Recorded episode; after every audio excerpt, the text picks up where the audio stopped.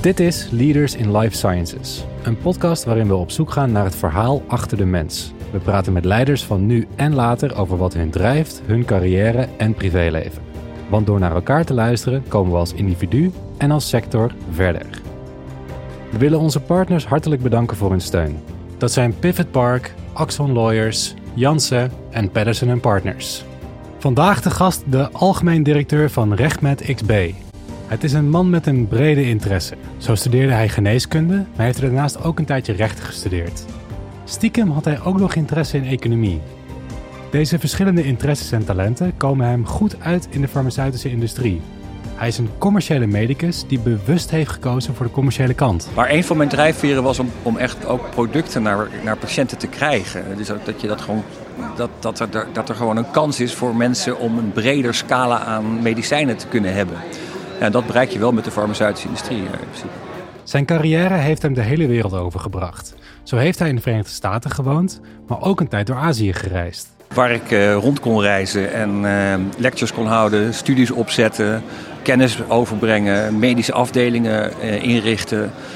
Eigenlijk tot de benefit van patiënten uiteindelijk. Hè? Want als dat goed geregeld is, dan krijgen patiënten en artsen goede informatie. Dat vond ik ontzettend belangrijk. Binnen de geneeskunde heeft hij een duidelijke visie. Het gaat namelijk niet alleen maar om het draaglijk maken voor patiënten, maar ook om het daadwerkelijk genezen van mensen.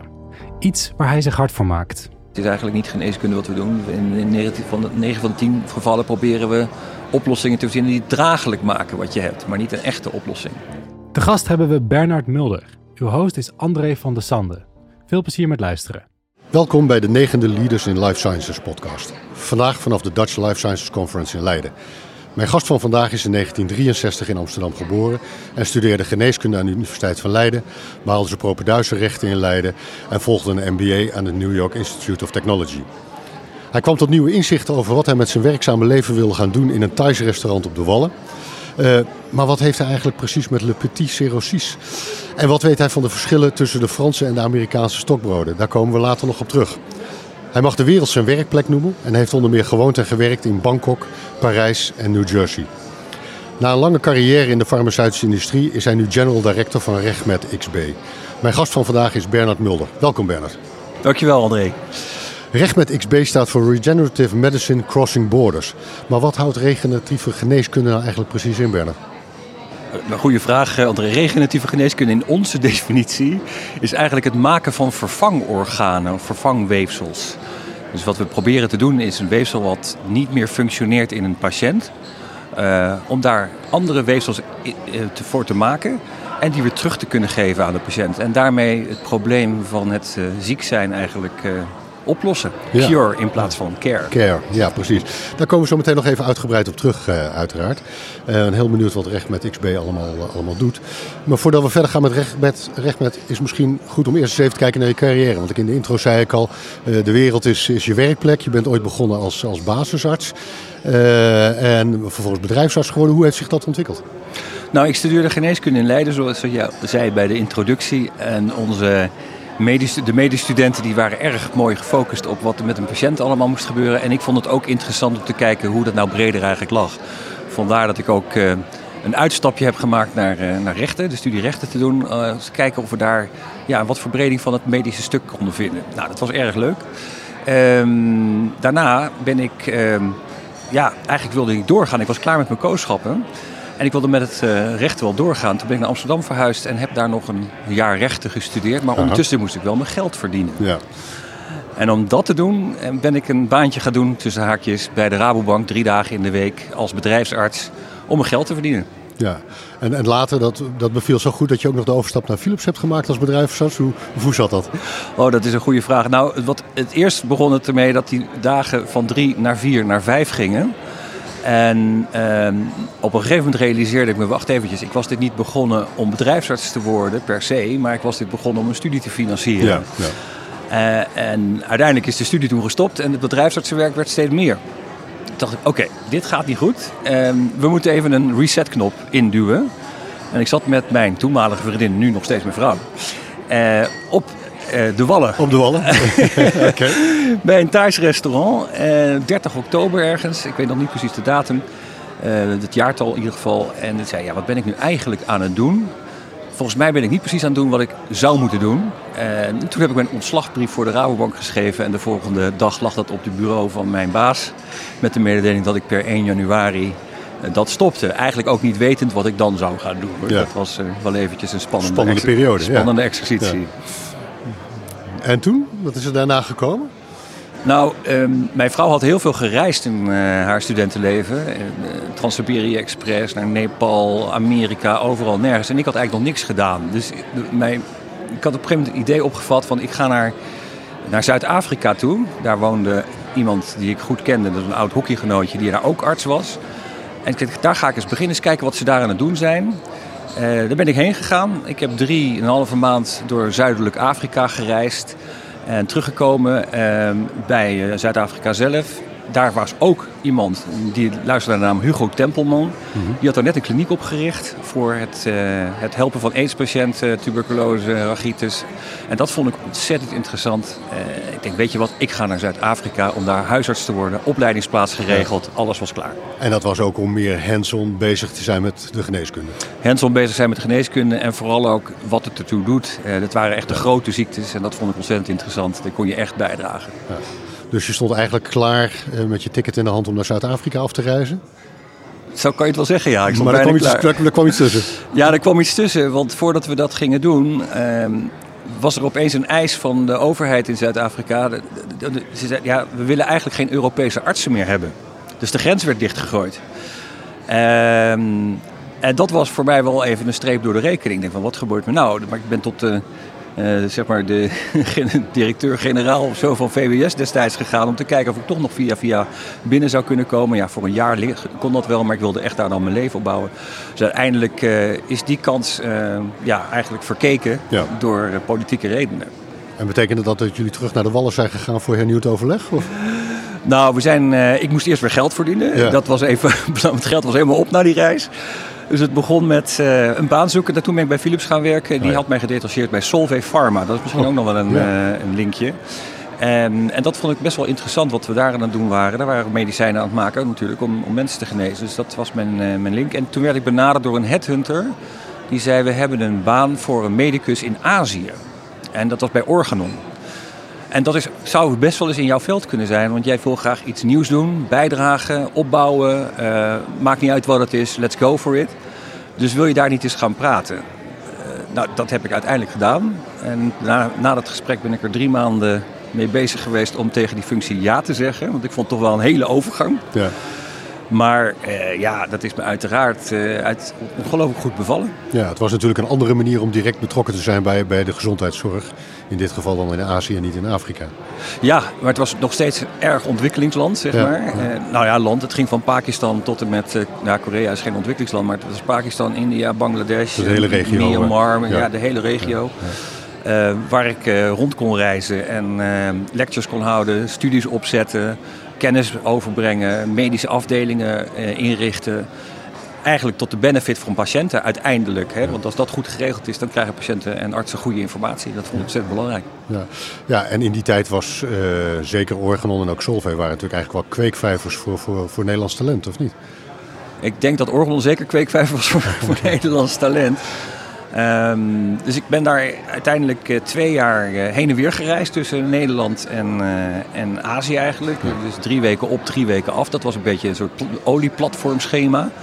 Maar ik vond het fantastisch als dat vliegtuig weer de lucht in ging en als we weer landen tegen die eh, tropische hitte te, Ja. te stuiteren, zeg maar. Dat vond ik echt helemaal geweldig. Ehm, maar daarnaast ben, eh, heb ik de kun- de kans gekregen om ook in de regio te gaan wonen. Dat, eh, dus wij zijn toen naar Bangkok verhuisd en dat maakte het leven samen met mijn dan vrouw Ja. wel iets eenvoudiger, Ja, moet ik zeggen. Ja. Ja, met kweekvijver bedoel ik ook. Je hebt eh, een, een heleboel andere functies daarna vervuld. Hè. Ik zei het in de intro al, je bent echt de wereld eh, rondgegaan. eh, eh, niet alleen voor Organon, maar... eh, want daarna heb je eigenlijk nog wat, wat, wat doorgroeistappen gemaakt eh, binnen Organon. Ja, binnen Organon ben ik verder gegaan. Toen was op een gegeven moment, de vraag... eh, wil je echt puur medisch blijven werken of wil jij meer richting de commerciële kant? En dat commerciële stukje zat er toch al een beetje in. Ik heb rechten gestudeerd in Leiden, dat zei ik al een stukje. Maar eigenlijk wilde ik economie doen in Rotterdam. En daar kwam die combinatie een beetje van... Nou, dat is eigenlijk wel heel leuk om te kijken of ik wat meer commercieel kan werken. En toen kon ik, had ik de kans om naar Parijs te gaan... om daar eigenlijk een soort leertraject door te gaan. Door artsenbezoeker te worden. Uh, nou, een Salesforce aan te sturen. Wat project management, produ nee, product, product management te gaan doen. En uiteindelijk uh, ja, een business unit aan te sturen om een rijp te maken om een land te gaan aansturen. Dat was de bedoeling. Ja. Het is eigenlijk best een opmerkelijke stap, hè? want heel veel medici maken die overstap naar de commerciële kant niet. Nee, die maken dat uh, inderdaad niet. Het, het, is, het, is, het, is, die zijn dun gezaaid, kan je bijna zeggen. Um, maar een van mijn drijfveren was om, om echt ook producten naar, naar patiënten te krijgen. Dus dat je dat gewoon dat, dat, er, dat er gewoon een kans is voor mensen om een breder scala aan medicijnen te kunnen hebben. Ja, ja, en dat bereik je wel met de farmaceutische industrie. Ja, Uiteindelijk ben je naar, uh, naar New Jersey gegaan voor Organon. Dat was de fase dat Organon besloot uh, om een hoofdkantoor in Amerika te hebben en niet meer in, uh, in Os. en jij bent meegegaan in die verhuizing. Ja, ik ben meegegaan in het verhuizing. Het was eigenlijk de bedoeling dat ik naar een land zou gaan. Vietnam was, stond op de kaart. Um, maar ja, toen werd ik uh, vanuit Amerika gebeld of ik een, een, grote alliance samen met Pfizer kon leiden op het commerciële gebied. En elke keer werd het een beetje verkocht als dat is een goede extra stap om dan daarna een land te gaan doen. En ja, het was natuurlijk ook ontzettend leuk. Want uh, ja, toen kwam ik in een, een groot een global venture team, zoals we dat destijds noemden, terecht. En, en dan moest je echt alles opzetten van hoe ga je nou een middel wat in de pijplijn zit, helemaal voorbereiden om naar de markt te komen. En dat is een uitstekende ervaring, moet ik zeggen. Ja. Dus je ziet wel gewoon wat er over nodig is uh, om het daar te krijgen. Ja, eigenlijk waren dat teams waar, waar medisch, research en commercieel bij elkaar kwamen. Hè? Ja, het begon eigenlijk, uh, manufacturing zat erin, inderdaad, regulatory natuurlijk ook. Uh, ja, ja clinical, preclinical, dat zaten grote teams. health economics. Um, medical, ja, dat zei ik net al, maar ook, ook marketing natuurlijk en sales. Ja. Uh, op een gegeven moment werd Organon verkocht aan, aan, aan Schering Plau. wat heb jij toen gedaan? Um, toen heb ik een aanbod gekregen om te blijven in Amerika en het product verder te helpen. Dat vond ik wel een beetje spannend. Ehm, want het is altijd een beetje een bloedgroepenstrijd hè, als je overgenomen wordt. dus ik dacht van nou, weet je, ik weet het eigenlijk niet. En de kinderen waren in een leeftijd waarbij we ze ook konden gaan ankeren in een systeem. Dus uh, mijn vrouw en ik hebben toen gezegd, nou weet je wat, we gaan verder naar Nederland. We gaan nooit terug naar Nederland, we gaan altijd verder. We gaan verder naar Nederland. En daar kunnen onze kinderen dan uh, zeg maar hun anker krijgen. Waarvan wij dachten dat het belangrijk was. Gezien wat we ook wel om ons heen zagen bij expats die dat wat minder uh, hadden gedaan. Ja, want verhuizen naar het buitenland met je gezin, dat, dat heeft echt impact. Hè? Dat... Ja, dat heeft uh, grote impact uh, op, op allerlei manieren. Maar het is ook wel heel erg leuk. Ik moet zeggen, die tijd in het buitenland met het gezin was ook fantastisch. Ja, ik weet uit eigen ervaring dat ook je kinderen er echt iets van, uh, van meenemen in hun, in hun ontwikkeling. Ja. en eigenlijk meer wereldburger geworden dan, als, dan dat je als alleen in Nederland hebt gewoond. Ja. leuk. uiteindelijk heb je toch een, een stap naar een ander bedrijf gemaakt, naar een andere bedrijfstak eigenlijk haast. Ja, toen ik in Nederland was, toen ben ik bij Avantium gaan werken. En Avantium is een bedrijf wat heel erg goed is in het karakteriseren van moleculen. Uh, dat deden ze al in de petrochemische industrie. Maar ze hadden ook een farmaceutische tak, uh, waarbij ze eigenlijk uitzochten um, hoe uh, moleculen er het beste uit moesten zien om bijvoorbeeld stabiel te zijn. of niet uit elkaar te vallen dus, of, of bij bepaalde temperaturen goed, beter te kunnen werken. En dat was van belang om te zorgen dat zo'n product dan daarna ook daadwerkelijk in ontwikkeling kon komen. Je kan je voorstellen, als hij uit elkaar valt, kan je niks ontwikkelen. Nee. Um, dat was wel heel technisch uh, en ook best wel wat verder weg van het medische stuk. Maar het was wel een hele mooie technologie. Uh, dus daar ben ik uh, voor de marketing en sales verantwoordelijk geweest. Um, heb ik niet zo lang gedaan, omdat het bedrijf een ontzettende groei wilde doormaken. En dat was net in 2008, waarbij de groei van bedrijven even wat onder druk stond. En ook ja. bij opdrachtgevers.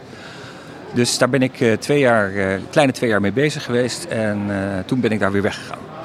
Oké, en toen heb je eigenlijk met een aantal oud-Organon-collega's ben je Eagle Rock uh, begonnen. Toen ben ik Eagle Rock Life Sciences begonnen samen met uh, Karel Thijs, John Verhoeven en Hans Pecht. Want we hadden het idee dat er ontzettend veel kennis bij Organon zat. Niet alleen bij ons natuurlijk, maar bij heel veel mensen. Die kennis dreigde verloren te gaan in het Nederlandse landschap. Want Organon was een van de laatste farmaceuten die echt het enige omvang daar zat en de totale chain in control had.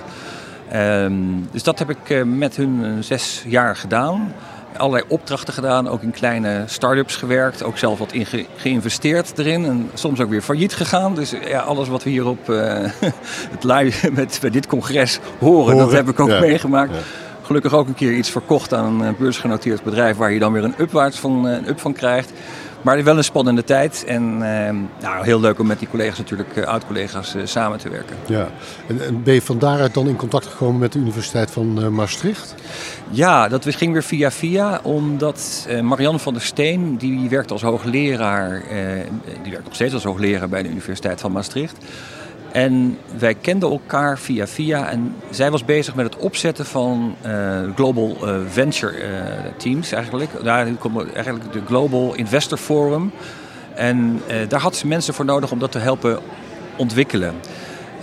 en ik had wat ervaring zeg maar, in hoe je nou met een bedrijf zeg maar, ook de bietenbrug op kan, maar ook gewoon succesvol kan zijn. Dus ik zag ook de pitches van bedrijven. En we hebben dus dat verder samen ontwikkeld. Um, zij is daar de grote trekker van geweest, maar ik heb daar uh, heel wat uitvoerend werk gedaan. Dat was ontzettend leuk om de dingen zoals we hier ook met de Venture Challenge zien te organiseren en uit te voeren.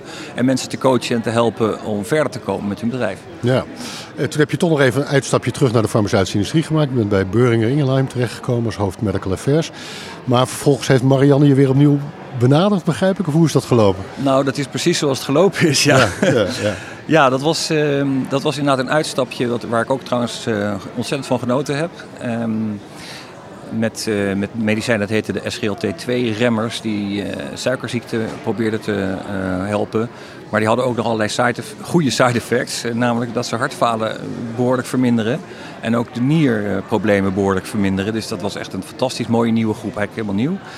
Maar Marjan die kwam naar mij toe en die zei... Uh, Bernard Recht met XB bestaat uh, een prachtig consortium uh, van universiteiten, bedrijven, overheden, gezondheidsfondsen.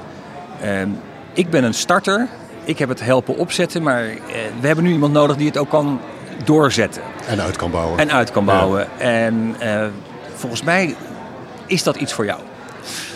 Nou, dat vond ik super eng. Ik denk van, nou, wat gebeurt hier nou? Academische werkomgeving, dat uh, nog helemaal niks met politiek. Nee, want je kwam voornamelijk uit het bedrijfsleven Helemaal bedrijfsleven. Ja. Dus ik dacht van, ja, moet ik dit nou wel gaan doen? Uh, maar toen dacht ik ook van, waarom eigenlijk niet? Ik heb altijd wel risico's genomen. En als je dat nou uh, niet doet, dan achteraf zeg je dan misschien, ik had het wel moeten doen. En gelukkig heeft hij uh, die, die gok tussen haakjes uh, heel goed uitgepakt. Want ja. ik vind het ontzettend leuk en heel dierbaar om aan, uh, aan recht met XB te kunnen werken. Ja, en daar ben je sinds 2020, hè, als ik goed begrepen heb. Sinds 2020, maart 2020, ben ik daar algemeen directeur geworden. En ik geloof dat het op 7 of 8 maart was dat de lockdown begon. Ach. En dus we hebben zeg maar twee jaar een beetje in het corona-omgeving, zoals iedereen natuurlijk heeft gezeten. Maar als een startende job is dat toch wel een hele extra uitdaging natuurlijk. Um, maar feitelijk had iedereen daar last van. Maar we zijn uh, denk ik heel goed die tijd doorgekomen. Um, door het onderzoek verder te brengen wat we aan het doen zijn, maar ook allerlei andere zaken gewoon uh, tot ja. ontwikkeling te brengen. Ja. Nou, dan zijn we eigenlijk weer terug uh, bij, bij, bij Recht met XB teruggekomen. kun je iets meer vertellen over het, het ontstaan van, van Recht met en wat de gedachte erachter is? Ja, de gedachte was eigenlijk dat uh, regeneratieve geneeskunde echt het weefsel bouwen. Dat stond erg in de kinderschoenen een aantal jaren terug. En wat mensen zich ook realiseerden, vooral Clemens van Blitterswijk was daar een, en, Tom Oostrom van de Nierstichting, was daar, uh, die waren daar echt mee bezig. Die realiseerden zich dat je met één universiteit of met één partij zo'n heel nieuw veld ongelooflijk moeilijk tot wasdom kan brengen. En toen was het idee van laten we partijen bij elkaar brengen. Een aantal universiteiten die hierin geïnteresseerd zijn. Uh, laten we kijken waar we provincies kunnen aanhaken. Uh, die geïnteresseerd zijn om uiteindelijk economische activiteit in hun regio te hebben. Maar ook een maatschappelijk belang hebben voor hun eigen inwoners. Uh, en kijken of we een, een, consortium kunnen bouwen die gaat investeren en onderzoeken in het bouwen van vervangorganen. Nou, dat is toen opgezet in 2016. Um, met een groot programma, wat we dan een research-programma, wat Moonshots heette. Ja, dan, want jullie hebben vier Moonshots, daar komen we zo denk ik nog even op. Ja. Nou, die vier, ja, dat, precies. Een programma waar, waar je denkt van, nou, dat gaan we nooit redden, maar je wil het wel redden. Dus echt uitdagend. Um, en naast dat research-programma is er ook meteen, en dat vind ik wel heel slim van Recht XP destijds, een, uh, een doorvertaling geweest van ja, hoe krijgen we dan, als je dan eenmaal een product hebt, dat ook naar de markt toe? Ja. Dus, dus er zijn ook pijlers gebouwd rond business development en acceleratie. En pijlers met seed capital. En uiteindelijk ook een pijler met infrastructuur, want je moet het dan ook op een gegeven moment uh, kunnen maken. Ja, ja. ja, want als ik naar de website kijk van Rechtmet, uh, dan lijkt het bijna een virtuele organisatie. Hoe zijn jullie georganiseerd? Het is ook vrijwel virtueel, dat heb je goed gezien. We hebben wel kantoor. Dat zijn twee uh, kantoortjes die we hebben bij de Universiteit van Maastricht. Dat zijn die klassieke kamertjes waar je in kan zitten. Uh, maar daar zijn we eigenlijk niet altijd. sterker nog, de mensen die werken over het hele land die bij Recht met XB de office werken, dus waar, waar ik direct leiding aan geef. En de researchers zitten gewoon bij, natuurlijk bij de universiteiten zelf. Ja, want dan hebben we het over een vrij grote groep. Hè. Ik, ik, las 500 uh, scientists, wetenschappers die betrokken zijn bij RegMed XB. Ja, dat, is, um, dat zijn niet alleen de scientists geweest van, uh, van, van, de, van de universitaire centra. Je hebt ook de scientists van de bedrijven. Want ook ja. bedrijven zijn aangesloten bij RegMed XB. Ja. En als je die totale groep bekijkt, uh, dan, dan is dat zeker een, een groot, en trouwens, een groot aantal. En daarnaast hebben we ook een Vlaamse partner. Daar werken ook de researchers. Uh, ja. Dus daar zitten best veel grote groepen aan vast. Ja, oké. Okay. De term moonshots viel, net even. Leg eens uit, wat bedoelen jullie met, met, met een moonshot en, wat houdt het dan eigenlijk precies in? Ja, moonshot is, uh, is eigenlijk het verhaal dat je iets wil nastreven wat bijna onmogelijk lijkt. Um, maar dat je toch de weg ernaartoe uh, probeert te ontwikkelen. Zo willen we eigenlijk een nieuwe nier bouwen. Nou, een nier is een ontzettend ingewikkeld orgaan. Maar er zijn heel veel mensen die dialyse hebben en daar niet goed mee geholpen zijn. Eigenlijk weten we dat, het is een hoge sterftekans ook. Dus wat zou er nou mooier zijn dan dat je een nier gaat maken en dat kan teruggeven aan die patiënt, zodat hij weer helemaal functioneel is. Dan hebben we het dus niet over de draagbare nier waar Next Kidney van de Nierstichting op dit moment mee aan het werk is. We hadden Tom, Tom Oostrom laatst ook in de podcast en die heeft daar uitgebreid over verteld. Maar dit gaat eigenlijk een stap verder, als ik je goed begrijp. Ja, dit gaat een stap verder omdat de, de weg er naartoe best wel lang duurt om zoiets echt te organiseren en echt gedaan te krijgen. Organisatie, het is eigenlijk meer van hoe krijg je de scientific voor elkaar. Dat is best een lange weg. Maar er zijn natuurlijk tussenstappen voor patiënten die heel waardevol zijn. Bijvoorbeeld bij dialysepatiënten om niet elke keer naar het ziekenhuis te gaan. Wat zou er gebeuren als je het thuis kan doen en goed thuis kan doen? Dat geeft enorm veel meer comfort. En dat is waarom de Nierstichting zelf ook een soort roadmap heeft gemaakt van oké, okay, wat moeten we op kortere termijn proberen na te streven. Maar laten we niet vergeten dat we het meest geholpen zijn als die patiënten echt genezen zijn. Ja, ja. En daar investeren ze ook in. Ja. Op deze manier kun je eigenlijk ook nog bijdragen aan de lagere kosten in de gezondheidszorg. Want als patiënten niet naar het ziekenhuis hoeven, het, het is een betere kwaliteit van zorg, maar het is waarschijnlijk ook goedkoper. Nou, het is in ieder geval als je eenmaal zo'n orgaan terug hebt getransplanteerd, dan zal het zeker ongelooflijk veel kosten schelen. Ja. Niet alleen in de ziekenhuisbewegingen, maar ook de sociale, sociale kosten, eh, die er zijn en de maatschappelijke kosten die er zijn. Mensen kunnen weer aan het werk. Uh, alle mantelzorg uh, kan er bijna vanaf, zou je bijna zeggen. Dus ja, het leven van een patiënt gaat totaal veranderen op het moment dat hij weer een functioneel, lichaams, uh, een functioneel weefsel heeft in zijn, in zijn lichaam. Kun je ook iets meer vertellen over die andere drie moonshots? Ja, en daarnaast is er een, diabetes moonshot, suikerziekte. Er zijn een suikerziekte type 1, dat is een, een ziekte waarbij de, de, de, de insuline producerende celletjes niet meer insuline produceren of eigenlijk ook afwezig zijn. Dat geeft dan suikerziekte waar patiënten dagelijks mee te maken hebben. En zij moeten insuline toedienen om in leven te blijven. Nou, dat klinkt een beetje dramatisch, maar dat is het wel. Dat is als, zo. eh, als je het niet doet, ga je gewoon dood. Nou, dat is even heel hard gezegd, ja. maar het is wel zo. Daar, die mensen zijn elke dag bezig met onzekerheid. Zit ik niet te hoog, en dat betekent dat de bloedsuikers te hoog zitten, en dat geeft na, uh, na, ja, vervelende effecten, of zit ik niet te laag? En dat betekent dat er veel te weinig uh, suiker nog in je bloed zit, waardoor je flauw kan vallen en wellicht ja. ook dood kan gaan. Kortom, die mensen moeten de hele tijd zichzelf regelen in een systeem en elke keer attent zijn dat dat maar goed gaat. Nou, bij een hele hoop patiënten gaat dat gelukkig goed. Maar er is ook zeker een groep patiënten die ongelooflijk moeite hebben om zichzelf te regelen. En die om de haverklap in het ziekenhuis liggen. Nou, voor zo'n groep patiënten in eerste instantie zou het fantastisch zijn als we de insuline producerende cellen weer terug kunnen geven aan die patiënt. En ja. eigenlijk dat ze van al die romslomp af zijn. Ja. Dus dat is een tweede moonshot die we hebben. Okay. Mag ik doorgaan? Ga door. Ja. nou, een derde moonshot die gedefinieerd is, is de, uh, wat we noemen de, de, ja, de artrose moonshot. Um, ja, ik weet eigenlijk het Nederlandse woord bijna niet voor artrose, maar dat is uh, ja, slijtage zeggen mensen, ja. geloof ik. Hè? Mijn knie is versleten. Dat gaat dus niet alleen over reuma bijvoorbeeld. Eh, dat is nee, breder dan dat. Ja. Nee, dat gaat echt over eh, ja, de osteoartritis. Ja, Dat is de vakterm. Dat is wel ontsteking van de gewrichten. Hè, maar laten we het maar eventjes in, in, in een breder, eh, in een breder eh, definitie pakken. Wat je daar hebt is dat we... We worden allemaal ouder. En we weten ook dat we een knie kunnen vervangen, een heup kunnen vervangen. Maar dat kunnen we vaak maar twee keer doen. Hè? Dus je kan één keer een heup vervangen en dan heb je 15, 15 jaar te gaan. En Ja. daarna moet die voor de tweede keer. Dan heb je, moet die operatie slagen. En daarnaast moet het ook nog eens een keer weer die periode eh uitzi- moet je uitzingen. Maar omdat mensen ouder worden, ga je het niet Ga je helemaal... niet meer redden? Je gaat het niet meer redden. Nee, precies. Dus dat betekent dat je het eind van de rit toch in die rolstoel belandt.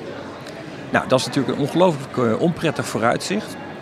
En ehm Reuma Nederland heeft ook gezegd, ja, we moeten eigenlijk een oplossing vinden voor die patiënten. Kunnen we niet een, een, een, een, een, een gewricht maken, een, een kniegewricht maken of een duimgewricht maken, waarbij als de artrose zo slecht is, eh, dat we het echte gewricht wat bij de patiënt zit eruit halen en dan het nieuw eh, gewricht erin steken, Ja. zoals ze dat eh, zo mooi kunnen noemen.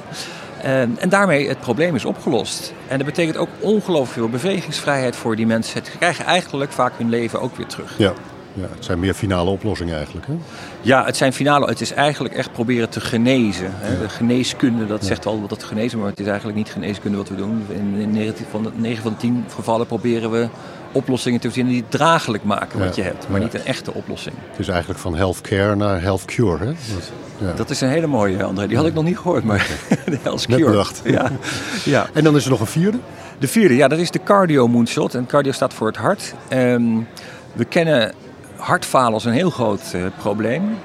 En hartfalen is eigenlijk heel moeilijk te ondervangen. Als het eenmaal er is, dan krijg je het bijna niet meer weg. Eh, daar, en, en, en bij deze moonshot hebben we de grote gedachte... Stel je nou voor dat je het hart van de patiënt eh, met hartfalen eruit kan halen. Je haalt het buiten het lichaam. En dan ga je het repareren, regeneratief repareren. Dus je stimuleert eigenlijk het eigen weefsel om weer nieuwe hartcellen te maken die wel functioneel zijn. En als je dat eenmaal hebt gedaan, dan stop je het weer terug in het lichaam en de patiënt lives, leeft verder happy ever after. Klinkt bijna als Star Trek als ik het zo hoor. Nou, dat is volgens mij een Mars-shot. Precies. Maar er zijn wel intermediate stappen. Want als we in staat zouden zijn om bijvoorbeeld de conditie van een hart te verbeteren, zal al heel goed zijn. En dan kunnen we ook denken aan transplantatieharten. Eh, transplantatieharten worden uit gezonde, hopelijk Ja. gezonde mensen gehaald. Maar die kunnen ook wel een beetje slechter zijn. Dus stel je voor dat je hun levensduur kan verlengen eh, en ook nog kan repareren. En dan dat betere hart bij een patiënt terug kan plaatsen. Eh, nou, daar hebben we heel veel opgelost. Ten eerste krijgen we een betere kwaliteit. En ten tweede, als we het langer kunnen laten leven, dan kunnen we veel beter matchen. Want iemand die in Noord-Schotland overlijdt en de, de donor, dat is de donor, en de ontvanger zit in Zuid-Italië, nu kom je daar niet. Nee. Dat is te kort dag. Maar als je 24 uur lang zo'n eh, zo'n hart kan laten kloppen, Dan en- red je dat wel. dan red Ja. je het wel. Ja. En dan is bijna, dat is enorm ehm, zeg maar, potentie om, om eigenlijk de transplantatie een enorme swiepert omhoog te geven. Dus dat is weer zo'n intermediate step eigenlijk om uiteindelijk dan te komen naar het regenereren van het hart. Ja. Ik ga even terug naar de tweede moonshot. Dat is de diabetes moonshot die je net benoemde. Want daar heb je zelf ook een persoonlijk linkje mee, toch? Een eh, redelijk persoonlijk linkje, zeg maar link. Ja, want ehm, mijn oudste zoon, eh, die, heeft, die is nu 22, maar die heeft op zijn derde eh, ook suikerziekte gekregen, type 1. Ehm, dus wij weten inderdaad als gezin uit ervaring hoe het is om een chronisch zieke eh, pers- familielid te hebben en alle cure en care die je daarvoor nodig hebt om iemand, eh, nou, zeker als je drie bent, dan kan je nog helemaal niks, maar om iemand natuurlijk verder te helpen en wat het allemaal met zich meebrengt. Ja. ja, want dan kom ik op het verhaal met de Franse en de Amerikaanse stokbroden. Want hoe zit het? Jullie woonden in, in, in Frankrijk. eh, jullie hebben daarna in eh, Amerika gewoond. Dus jullie konden de kwaliteit en de inhoud van stokbroden met elkaar vergelijken. Maar wat heeft dat hiermee te maken? Ja, dat, wat het hiermee te maken heeft. Als je in Frankrijk een stokbrood koopt, eh, dat, dat kan je een dag laten liggen en misschien anderhalf, maar dan is het keihard. Want daar gebruiken ze alleen maar de ingrediënten eh, meel, water en wat gist. Dat is het.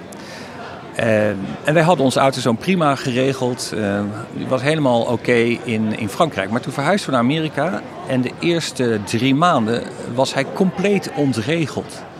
En we kregen het ook niet voor elkaar. Hoe we ook aan het koolhydraten tellen gingen. Hoe we ook maar aan uh, insuline erbij, eraf, erin. Nou, het maakte niks uit. Het was totaal ontregeld. En waar we achter kwamen is dat we bij de Amerikaanse supermarkt ook gewoon onze spullen kochten. Waaronder ook een stokbroodje, maar ook het gewone brood. En, en mijn vrouw zei op een gegeven moment, ik ga het compleet veranderen. We gaan naar een biologische winkel.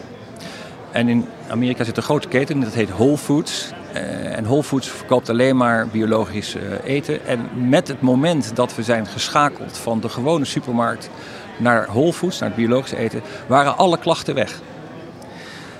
Toen dacht ik, ja, wat is hier aan de hand? Dat was zo'n zo'n ontdekking eigenlijk, dat ik dacht van ja, dit, dit, dat weten een heleboel mensen niet. Dat zeg maar, de ingrediënten die in gewoon eten zit, het kan voor sommige mensen prima gaan, hè? maar voor anderen misschien helemaal niet. En onze zoon was er eentje waar dat helemaal niet ging. En was dat niet gevonden, Whole Foods, dan waren wij terug naar, uh, naar Europa gegaan. Ja, ja. Gewoon vanwege het eten. Want dan hadden we het niet kunnen redden daar. Maar, maar, voor een man uh, die een wetenschappelijke achtergrond heeft, dit is NS1 eigenlijk. Hè? Dus het is geen crossover placebo gecontroleerde studie. Uh, maar echt puur persoonlijke ervaring. Dit is natuurlijk puur persoonlijke ervaring. Maar we probeerden die natuurlijk wel te toetsen bij de artsen. Die met ons, uh, waar wij natuurlijk regelmatig naartoe gingen. En eigenlijk hadden die daar niet zoveel oren naar. want ja, dan worden er allergie, allergietesten gedaan en dan komt er eigenlijk niet zoveel uit. Ja, een beetje dit, een beetje dat, dat kan het niet zijn. Uh, maar wij hadden wel andere ervaringen dat het het wel kon zijn. Uh, en wij hebben toen ook een, een, dieet natuurlijk samengesteld waarbij een aantal dingen waarvan we wisten dat dat een, een verhoging van de bloedsuiker gaf, dat we dat eruit haalden. Uh, dat waren, daar was hij niet allergisch voor, maar als we het eruit haalden, dan ging het wel een stuk beter. Ja, ja, ja. Dus ja, de vraag is natuurlijk ook hoe je die diagnostische test, hoe goed die eigenlijk zijn om iets te ontdekken wat je wil ontdekken. We hadden het net even over je oudste zoon, die was 22, zei je. Je hebt nog een zoon? Ja, die is 17. Ja. Dus die zit er op de middelbare school? Die, uh, die moet hard ploeteren nu voor zijn eindexamen. En, en gaat een van twee zonen vader achterna qua interesse, vakgebied? Nou, ik denk niet qua vakgebied, want uh, de oudste die studeert wiskunde en informatica, dus die zal daar uh, zijn, zijn merites gaan vinden. En de jongste is veel meer geïnteresseerd in HR en organisatie en coaching en, en hoe je mensen eigenlijk verder weet te krijgen. Ja, ja.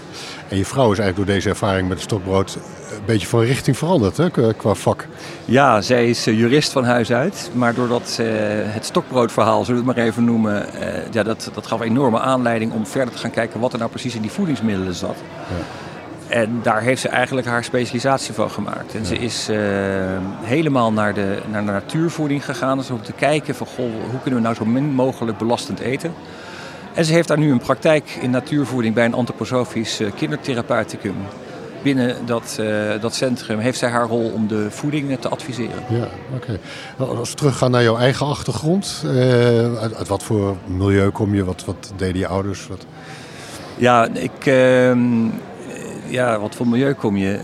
Ja, eigenlijk, mijn, mijn vader die was een, met zijn vijftiende werkte hij bij de houthandel Kei in Amsterdam. Dat was een jongste van een gezin van acht. En zijn vader had geen interesse meer om hem ook nog eens eventjes over de streep te duwen. Ja, ja.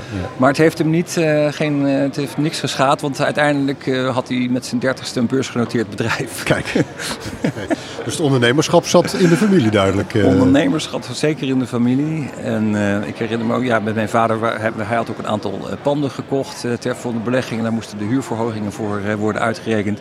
Dus ik zat naast hem met de calculator om te kijken hoeveel er dan bij moest. Dan typte hij al met twee vingers op zijn ouderwetse tijdmachine. Ja, en geen ja. fouten maken, want dan werden de huurders uh, niet, uh, niet blij. Dus uh, ja, we praten ook veel toen al over ja, hoe je de business kon doen. Ja, oké. Okay. Ja. Nou, dat, dat betrek je ook op je hockey, uh, of uh, op je hobby's moet ik zeggen, want een van je hobby's is hockey. Ja. En ik begrijp dat je daardoor ook min of meer een lokale bekendheid bent geworden in Zeist. Nou ja, um, zoals in de tijd, ik ben daar een, een tijdje voorzitter geweest van, van de lokale hockeyclub. En dan heb je zo'n moment dat er velden moeten veranderd worden. Dat moest van een zandveld naar kunstgras, naar watervelden toe. Uh, nou, was maar geld voor één veld, dacht men. En ik vond dat we er twee moesten hebben. En uiteindelijk zijn er ook twee gekomen en dat konden we ook financieren. En het ging uit en iedereen er toch achter. En als beloning kreeg ik een, uh, een klein veldje, een half veldje werd naar mij vernoemd. Dus dat is het Bernard Mulderveld geworden in Zeist? Het is het Bernard Mulderveld geworden, waar de eetjes, weet je, de kleine kinderen op spelen. Ja, en ja. Uh, het is prachtig om te zien. Ja. ja. Leuk. eh. Oké, als, als we even teruggaan naar, naar eh, Regmet. Eh, je bent ook te gast hier op het, op het congres eh, vandaag eh, in een panel. Eh, wat, wat is jouw boodschap? Nou, ehm, het was heel aardig dat ik vanochtend in een sessie zat waarbij er al iets werd gezegd over samenwerking. En, en hoe je dat eigenlijk moet doen. En wat wij binnen recht met ons bestaan is eigenlijk samenwerking. Als we niet zouden samenwerken, zou recht met niet eens kunnen bestaan. En die samenwerking die moet ongelooflijk goed georganiseerd worden. Dat is al een uitdaging op zich. Maar vooral vind ik de uitdaging dat je mensen in die samenwerking ook laat realiseren eh, dat de wereld buiten nog veel groter is. Ja, ja. Het beroemde postzegeltje. Dus Nederland is een postzegel, hè, Ja. zeggen we altijd. Ja. een Nederlandse postzegel. En dan denk ik, ja, waar wij mee bezig zijn, is het rafelrandje van die postzegel. Ja. Dus als je daar nou weer inzoomt, dan zie je weer 50 partijen die ook weer allemaal vinden dat ze heel belangrijk zijn. Dat zijn ze ook wel. Maar als je die partijen met elkaar weet samen te laten werken, eh, naar een goed, eh, naar volgens een goed protocol met een duidelijk idee, dan krijg je waarschijnlijk veel meer gedaan dan in je eentje. En eh, nou ja, goed, je, ik heb natuurlijk overal in de wereld gewoond. Dus ik heb ook gezien hoe groot alles eigenlijk is buiten Nederland. Ja. Eh, Dus ik ben een, een warme eh, voorstander van het samenwerken in Nederland. Dat kunnen we ook echt heel goed. En even je eigen boundaries een beetje verlagen om ook iets elkaar een beetje te gunnen. Ja, nou dat is eigenlijk een van de doelstellingen van deze podcast natuurlijk. Om meer wederzijds begrip te kweken en meer inzicht te krijgen in, in hoe andere partijen in de gezondheidszorg denken en, en, en handelen. Toch is het ook in deze podcast regelmatig een terugkerend onderwerp. Dat we zeggen van ja, het is, best wel moeilijk om elkaar op te zoeken. En in plaats van met elkaar te concurreren, hè, bijvoorbeeld eh, eh, science parken of universiteiten, zouden we elkaar eigenlijk veel meer op moeten zoeken en meer naar die gemeenschappelijke propositie moeten gaan. Hoe zie jij dat? Nou ja, eh, ik zie dat ook zo. En ik denk dat wat er nog ontbreekt eh, in dat verhaal is een clear incentive, zou ik bijna zeggen. Dus ehm, waarom zou een universiteit die geen incentive heeft om samen te werken, financieel bijvoorbeeld, of iets anders, zou die zijn onderzoekers aan gaan zetten om dat te gaan doen? En we weten allemaal dat een van de primaire taken van universiteiten gewoon onderzoek is. Tweede is onderwijs, derde is valorisatie. Dat komt gelukkig steeds meer naar voren. Maar om ook in het academische systeem ehm, daar mensen toe te verleiden en dat uiteindelijk ook goed te stimuleren, hebben we een ander beloningssysteem nodig. En daar is ook aandacht voor. Dat begint nu echt, die aandacht begint te komen. Maar van aandacht naar implementatie en het daadwerkelijk ook doen, dat is nog wel een stap. Een grote stap. Die is, eh, Ja. ja. En ik hoorde het vandaag ook op de, op de, de conference waar ik bij zat. Eh, De ideeën zijn er wel, maar hoe gaan we het implementeren en hoe zorgen we ervoor dat het echt gedaan wordt? Nou, en daar hebben we nog wel een uitdaging als, eh, in de life sciences. Als sector. Ja, als sector, ja. ja, ja. precies. Eh, Nou staat de XB in recht met XB staat voor Crossing Borders. Eh, hoe geven jullie daar inhoud aan of hoe gaan jullie daar inhoud aan geven? Ja, crossing borders. Sommige mensen leggen het uit. Als je überhaupt in regeneratieve geneeskunde bent, dan ben je al een grens aan het overgaan. Oh ja, Maar feitelijk was het bedoeld om ook over je eigen landsgrenzen heen te gaan. Het postzegeleffect eigenlijk wat kleiner te maken. Ja. Nou, waar we heel intensief eh, mee samenwerken op dit moment is met Vlaanderen. De Universiteit van Leuven en ook het VIB zijn onze counterparts in Vlaanderen. En daar ligt ook een Memorandum of Understanding onder van de, van de regering van Vlaanderen en Nederland om dat, die samenwerking te bevorderen. Eh, en zo is er ook bijvoorbeeld recent in de zomer Recht met XB Vlaanderen opgericht. Ah, dat is nou een daadwerkelijke entiteit. En daar zit iemand van de Universiteit van Leuven in, daar zit een een vertegenwoordiger van de VIB in en daar zit Recht met XB mijn persoon in als, als een bestuur. En die probeert vorm te geven aan die crossing border samenwerking. Eh, een tweede is dat we ook best wel actief zijn in Boston. Marianne van der Steen werkt Ja. ook nog steeds voor Recht XB. En zij probeert daar de samenwerking op te zoeken.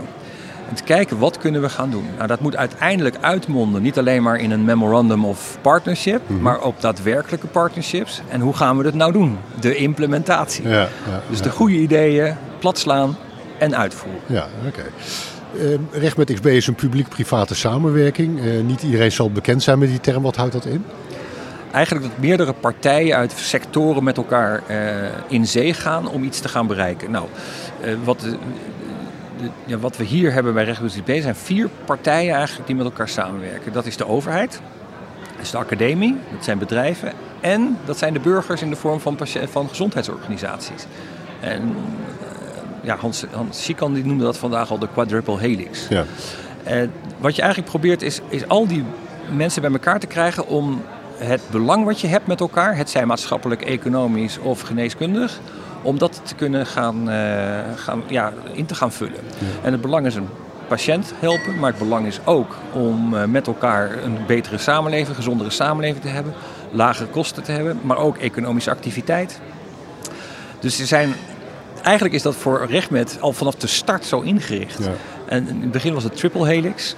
Maar RegMed was al de quadruple helix vanaf de start. En dat vind ik door de destijds oprichters wel heel slim, uh, slim gedaan. Ja, mooi, mooi, mooi. Het brengt ook een, of althans, het kan ook een ethisch dilemma met zich meebrengen. Hè? Want jullie krijgen funding, jullie hebben 56 miljoen uit het groeifonds toegezegd uh, gekregen. Uh, wat, wat is die bestemming voor die 56 miljoen? Die 56 miljoen die wordt op dit moment geïnvesteerd om de infrastructuur te bouwen, om, om fabriek, om pilotlijnen te bouwen, om uh, vervangweefsels te kunnen gaan produceren. En uh, op het lab in het ziekenhuis uh, of bij de universiteit kan je zeker voor een aantal patiënten wat maken, maar dat is lang niet genoeg om aan de kwaliteitseisen te voldoen en ook aan het aantal patiënten wat je uiteindelijk wil behandelen. Dus RegMed XP heeft een groeifondsaanvraag gedaan. En waarin ze heeft gevraagd: kunnen jullie ons helpen om de infrastructuur te bouwen in Nederland? Een nationale pilotfabriek voor regeneratieve geneeskunde. Zodat therapieën die naar de markt kunnen komen. al een plek hebben om de eerste opschaling te gaan doen. conform ja. GMP-eisen. Oké. Okay. Dat is uitermate kapitaalintensief om zoiets neer te zetten. Ja, ja. dat klopt. En doe je dat op één locatie? Of? Nee, de Pilot Factory heeft eigenlijk uh, ja, vijf locaties. Um, een locatie in Leiden, daar zit uh, NextGen en de, uh, het LUMC zitten daar met z'n twee. Dus eigenlijk twee, twee dingen in één plek. We hebben een locatie in Utrecht, eentje in Eindhoven en eentje in Maastricht. En wanneer verwacht je dat deze pilotplans volledig operationeel zijn? Nou, een aantal bijvoorbeeld in, in Leiden, die is eigenlijk al bijna klaar. Die kan uh, waarschijnlijk vanaf begin volgend jaar ook daadwerkelijk weefsels gaan produceren. Uh, maar voordat je weefsels überhaupt kan produceren in een fabriek, heb je ongelooflijk veel processen door te gaan. En je moet alles voorbereiden. Dat kost ook al per se maanden. Dus je kan ook al voordat je je GMP-license hebt, kan je in principe al heel goed aan de slag. En ja. dat is eigenlijk ook wat er gebeurt in Leiden in ieder geval. In Utrecht hebben ze ook een aantal projecten al lopen die ze kunnen brengen naar de pilotlijn. Um, in, uh, in Brabant heet het het Stichting uh, Biomaterials Consortium. Dus het Smart Biomaterials Consortium moet ik daar. Het heet Stichting Smart Biomaterials Consortium. Ja. Uh, en dat is een consortium wat zich vooral richt op de biomaterialen. En in, uh, in Maastricht uh, zijn ze met Region Biomedical aan het werk om daar ook een stuk van de pilot factory in te vullen. Ja, en kun je met deze funding dit hele project afronden of zal er in de toekomst nog meer funding voor nodig zijn? Um, er is wellicht meer funding voor nodig. Uh, maar vooralsnog, de plannen die we hebben ingediend, die kunnen we uitvoeren. In Leiden gaan ze vooral stamcellen uh, in ons project stamcellen produceren. En ze kunnen daar ook nog veel andere dingen doen. Maar dat is wat de Pilot Factory voor de regeneratieve geneeskunde doet. In Utrecht proberen ze kleine weefsels te maken, microtissues. Daar kan je mooi printen. En ook daar kunnen ze meer doen dan dat alleen. Maar dat is gewoon wat in de Pilot Factory zit. Um, SBMC, wat ik het net over had, die zijn ontzettend geleerd aan de TW. Die zijn heel erg goed in biomaterialen.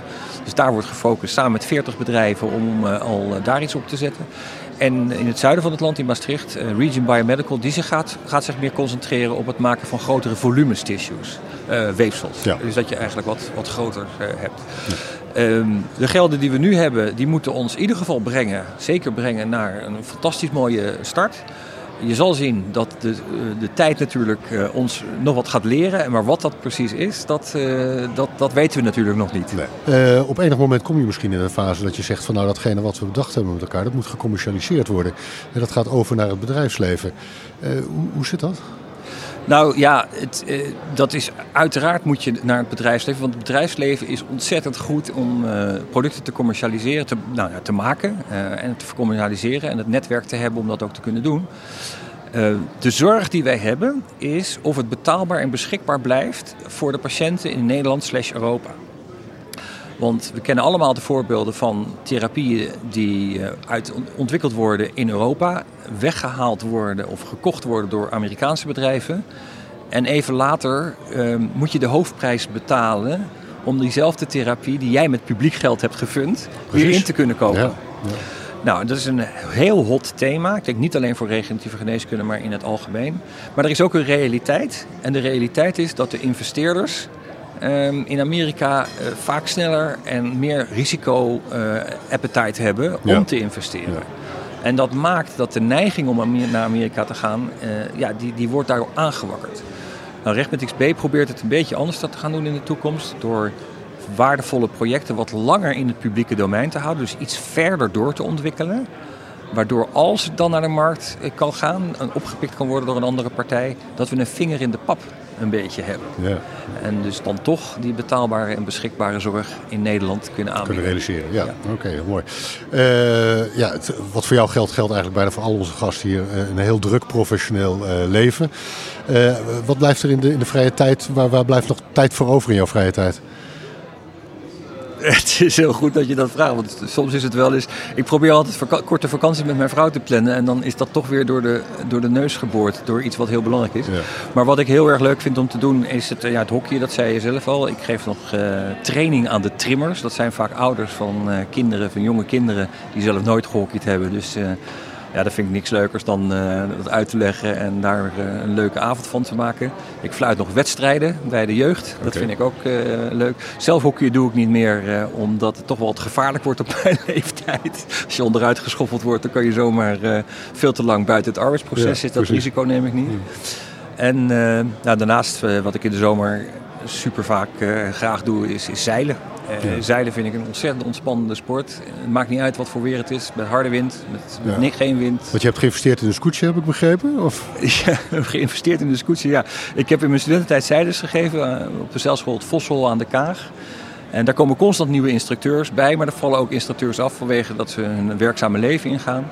En een aantal van die instructeurs die, uh, vond het leuk om te gaan wedstrijdzeilen met een scootje. Dat deden ze al, maar toen werd hun scootje afgepakt, zullen we maar even zeggen. En toen hebben een aantal oud-instructeurs geld bij elkaar gelegd om een nieuw scootje te kopen voor ze, of tenminste te faciliteren. En daar zeiden ze nu uh, in de, ja, de IFKS-klasse, dat is uh, de, de, counterpart van scootje maar daar zeiden ze nu inderdaad hun wedstrijden mee. Ja. En dat is fantastisch te zien. Echt dus jij bent ook het hele jaar aan het schuren en aan het lakken? En, of, nou, dat mogen zij, uh, zij doen, maar het is een hele enthousiaste groep. En het andere leuke is dat, omdat het van geleerd is aan een zeilschool, je bent ja. nooit, hebt nooit tekort aan bemanning. Want nee. er zijn altijd genoeg mensen die die plekken heel graag in mee willen. Ja, ja leuk, leuk, leuk. Uh, in de intro had ik het over Le Petit Cirrhosis. Wat, wat, is, wat houdt het nou precies in? Waar komt dat vandaan, Bernard? Nou, Le Petit Cirrhosis, ja, een, een fantastische film. Die heb ik eindeloos vaak gezien is uh, Les Intouchables. En uh, Les Intouchables is, nou, ik denk dat de meeste mensen de film wel kennen, maar ik vind die ongelooflijk goed. Ten eerste zie je in het Frans. Dat vind ik al heel leuk, omdat ik ja. natuurlijk zelf 4,5 jaar in Frankrijk heb gewoond. Maar daarnaast zijn er ook allerlei plekken in die film uh, waar ik zelf ook gewoon dagelijks overheen reed om naar mijn huis te gaan. Dus, ja. dus dat was herkenbaar. En de mooiste scène uit die film vind ik uh, dat uh, Dries, dat is de hoofdpersoon, die moet een baantje hebben bij uiteindelijk degene wie die gaat helpen. En er zit een vreselijk aantrekkelijke secretaresse. En hij probeert die vrouw te versieren en haar telefoonnummer te ontfrutselen. en in het Frans gaat, gaat dat met uh, Vous avez un petit 06? Heeft u een 06? Ja, ja. En met een ontzettende vette knipoog en een enorme smaal probeert hij haar in te palmen. Met Franse charme. Met ja. Franse charme. En die scène die staat zo op mijn, uh, op mijn netvlies. Ten meer omdat zij uiteindelijk blijkt zij lesbisch te zijn. Dus dat is aan het eind van de rit nog een vreselijk leuke takeaway van die film. Ja, Als, als ik je zo hoor praten, ook hierover, dan, dan, is, dan ben je wel gepassioneerd door, door mensen. Hè? En ook door de mensachtig. Is dat ook datgene wat je beroepsmatig uh, gedreven heeft? Ik uh, denk het wel. Ik, ik, uh, ik heb zelf ook hoog gehockeyd en ik heb ook veel teams gecoacht en getraind. En in het werk vind ik het ontzettend belangrijk welk team je hebt en hoe je dat team vooruit weet te krijgen. Dus dat gaat eigenlijk om de menselijke component. Uh, dus ja, dat, dat, dat drijft mij uh, behoorlijk, kan ik zeggen. Ja, ja dat klopt. Nou, dat brengt ons een klein beetje aan het einde van deze podcast-opname. Uh, mijn laatste vraag voor de gast is altijd: van, heb je nog een slotboodschap? Of heb je nog iets wat je wilt benoemen wat in dit gesprek niet naar voren is gekomen? Nou, ik denk dat. Uh, ik, de slotboodschap is eigenlijk: zoek de samenwerking op, gun elkaar wat. En heb je het goal stevig voor ogen en dan komen we er vanzelf. Ja, oké. Okay. Nou Bernard, bedankt uh, dat je hier naar het uh, congres wilde komen en onze gast wilde zijn voor deze podcastopname. Deze keer op locatie, met gezellig achtergrondgeroezemoes ook, ook daardoor. Het was leuk om je hier als gast te hebben. En ja, we volgen natuurlijk met heel veel belangstelling de toekomst van recht met XB. Wat waarschijnlijk een prachtige belofte inhoudt. dus we blijven met belangstelling volgen. Dankjewel André. Graag gedaan. Dit was Leaders in Life Sciences. Dankjewel voor het luisteren. Vond je iets van deze aflevering? Wij ontvangen graag jouw feedback. Wat houdt bijvoorbeeld jou bezig en over wie wil je meer horen? Laat het weten via een Apple of een Google review. Of stuur een berichtje via social media of natuurlijk gewoon per mail. Onze waardering is groot. Dat zijn Pivot Park, Axon Lawyers, Janssen en Patterson Partners.